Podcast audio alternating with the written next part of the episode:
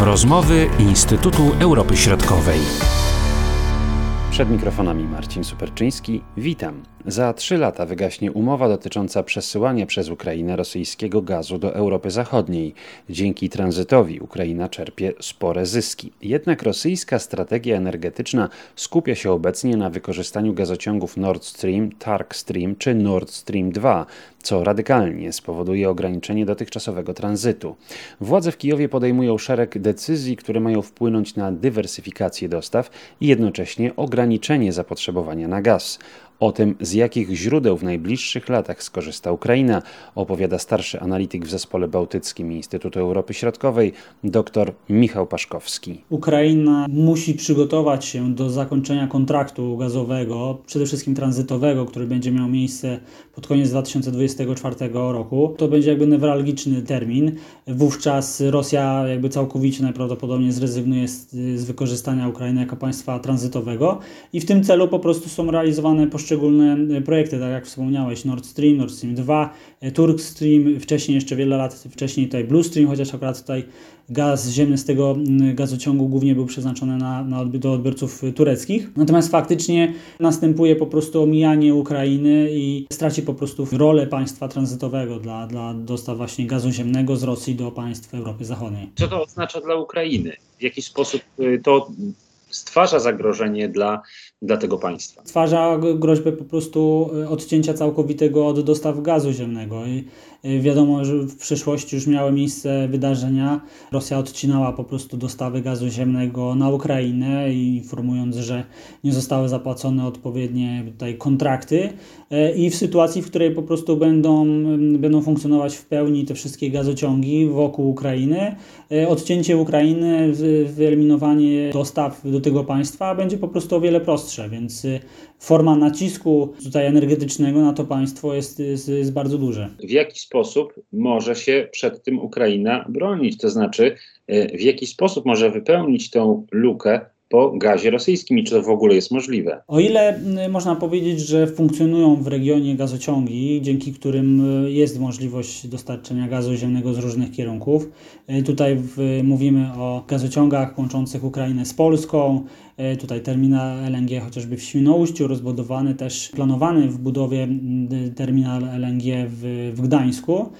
Też w momencie wybudowania połączenia gazowego polsko-litewskiego istniałaby możliwość dostaw gazu ziemnego poprzez terminal LNG w Kajpedzie i poprzez właśnie później system polski na, na Ukrainę. W ostatnim czasie Ukraina dyskutuje na temat możliwości wykorzystania też terminalu nowego e, LNG na wyspie Kirk w Chorwacji do dostaw właśnie e, z, z południa. E, no i też były już w 2020 roku takie testowe dostawy realizowane z terytorium Turcji E, poprzez Bułgarię, Rumunię. Teoretycznie jakby istnieje możliwość e, i, i te gazociągi e, stwarzają możliwość pewnej dywersyfikacji dostaw gazu ziemnego. No oczywiście nadal jest ten, ten odcinek zachodni, czyli poprzez Czechy i Słowację, ale tutaj głównym źródłem jest gaz rosyjski. Infrastruktura istnieje, natomiast Najbardziej newralgicznym jakby elementem jest po prostu źródło pochodzenia tego, tego gazu, bo w większości jakby nie patrząc w regionie dostępny jest gaz ziemny właśnie z,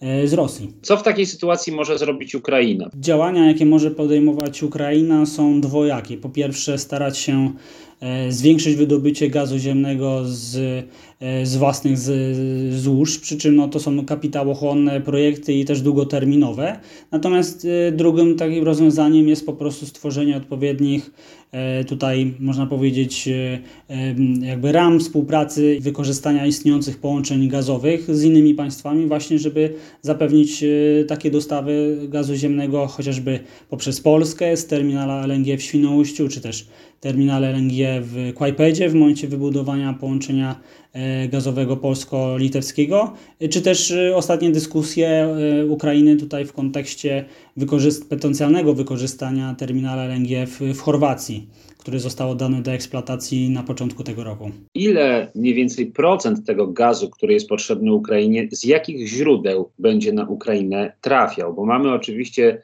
ten gaz rosyjski, który gdzieś przez Europę Zachodnią pewnie na Ukrainę będzie trafiał. Mamy tutaj ten e, terminal na przykład w Świnoujściu i nie zapominajmy także o tym własnym wydobyciu, które e, Ukraina prowadzi. W tej chwili tak, Ukraina jest jednym z większych producentów e, gazu ziemnego w, w Europie.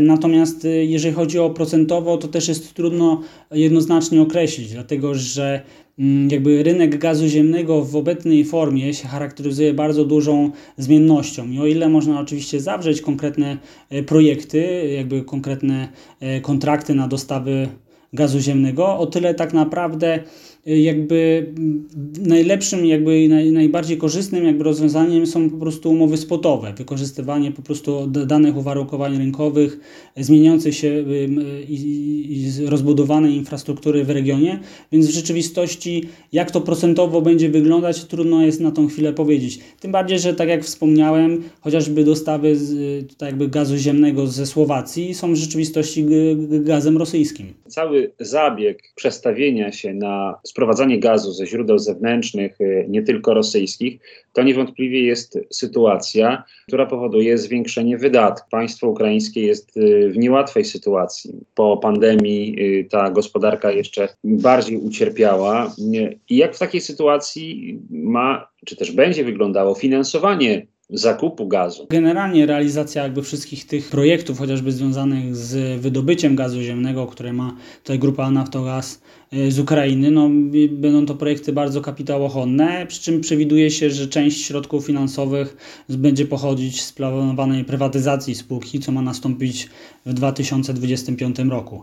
E, ale niewątpliwie faktycznie jakby trudna sytuacja gospodarcza i, i, i jakby też znaczenie takiej firmy dla, dla gospodarki państwa będzie powodować, że na pewno e, na inwestycje najbardziej potrzebne będzie najmniej przekazywane jakby środków finansowych. Które firmy będą się angażować, czy też z których państw będą się angażować tutaj w zagospodarowanie chociażby tego przemysłu wydobywczego na Ukrainie, bo słyszymy o podmiotach izraelskich, słyszymy o podmiotach amerykańskich i polskich. W ostatnim czasie PGNiG podpisał list intencyjny z grupą Naftogaz właśnie w kontekście potencjalnego zagospodarowania, yy, znaczy najpierw to jest poszukiwania, ewentualnie później zagospodarowania złóż przy granicy polsko-ukraińskiej. Jest to efekt yy, po prostu prac realizowanych od wielu, wielu lat przez PGNiG właśnie wydobycia gazu ziemnego na Podkarpaciu, więc y, firma liczy, że te struktury geologiczne po prostu będą, są porównywane na Ukrainie i jakby naturalnym właśnie jakby elementem będzie ich jakby przedłużenie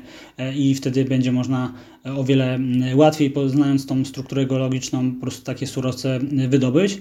Są też zainteresowane firmy austriackie, tutaj akurat OMV Petrom, to jest y, spółka córka OMV z Austrii, czy też właśnie firma tutaj izraelska, która Isramco Negev, które właśnie podpisała odpowiednie umowy z Naftogazem w zakresie właśnie możliwości pozyskania gazu ziemnego na Ukrainie. Słyszeliśmy także o współpracy podmiotów ukraińskich z podmiotami z Azerbejdżanu. Jak ta współpraca ma wyglądać? Jeżeli chodzi o Azerbejdżan, e, jakby na, na tą chwilę tak naprawdę jest to mocno rozwijana współpraca w sektorze naftowym, czyli przede wszystkim dostawy ropy naftowej z tego państwa.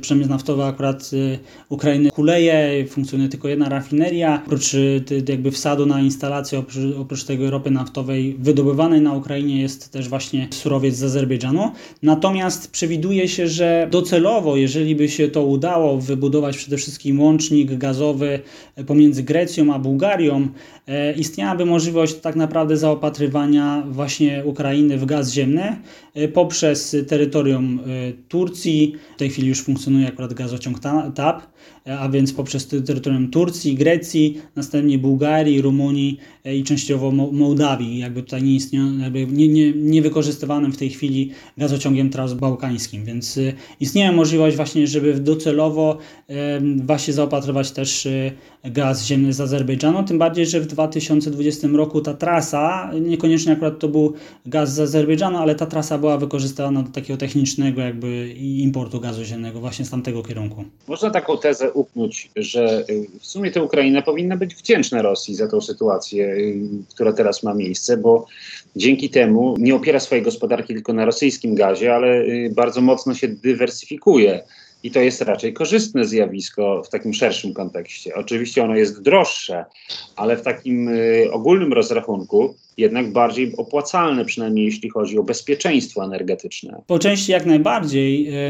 Natomiast oczywiście spadek wpływów z tranzytu, jakby środków finansowych z tranzytu jest ogromny dla, dla, dla Ukrainy, e, ale też trzeba pamiętać, że Ukraina wykorzystuje swoje bardzo duże pojemności magazynowe, które są zlokalizowane na, tej, na jej terytorium, do takiego handlowego jakby oferowania innym firmom zagranicznym i e, chociażby na początku zeszłego roku roku, czy, czy w ogóle w trakcie całego zeszłego roku i w tym roku, te zbiorniki, te magazyny są, z, są wypełniane gazem ziemnym po prostu komercyjnym od państw zachodnich, dlatego że Ukraina tak zmieniła system, można powiedzieć, podatkowy. I ten gaz, który tam jest y, utrzymywany, on jest y, tak naprawdę nieopodatkowany, więc firmom zagranicznym bardzo się opłaca po prostu to finansowo y, po prostu utrzymywać na tym terytorium gaz ziemny, ale tak jak wspomniałem, no jednak utrata jakby korzyści wynikających z tranzytowego pozycji i roli państwa no jest oczywiście tutaj znacząca, ale w kontekście takich dywersyfikacyjnych to, to jak najbardziej można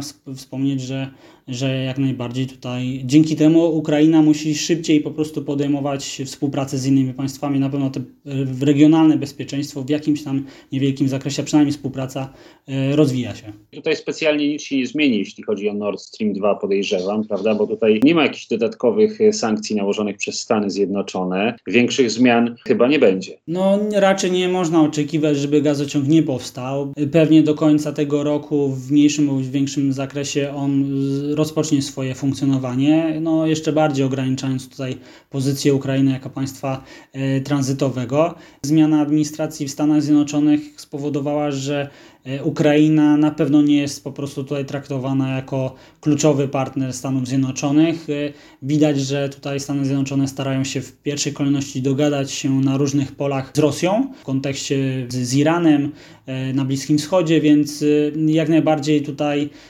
no niestety można oczekiwać właśnie y, zakończenia realizacji tego projektu, który będzie miał wpływ nie tylko na Ukrainę, ale na wszystkie państwa w Europie Środkowej. Mówił dr Michał Paszkowski. Marcin Superczyński. Do usłyszenia. Były to rozmowy Instytutu Europy Środkowej.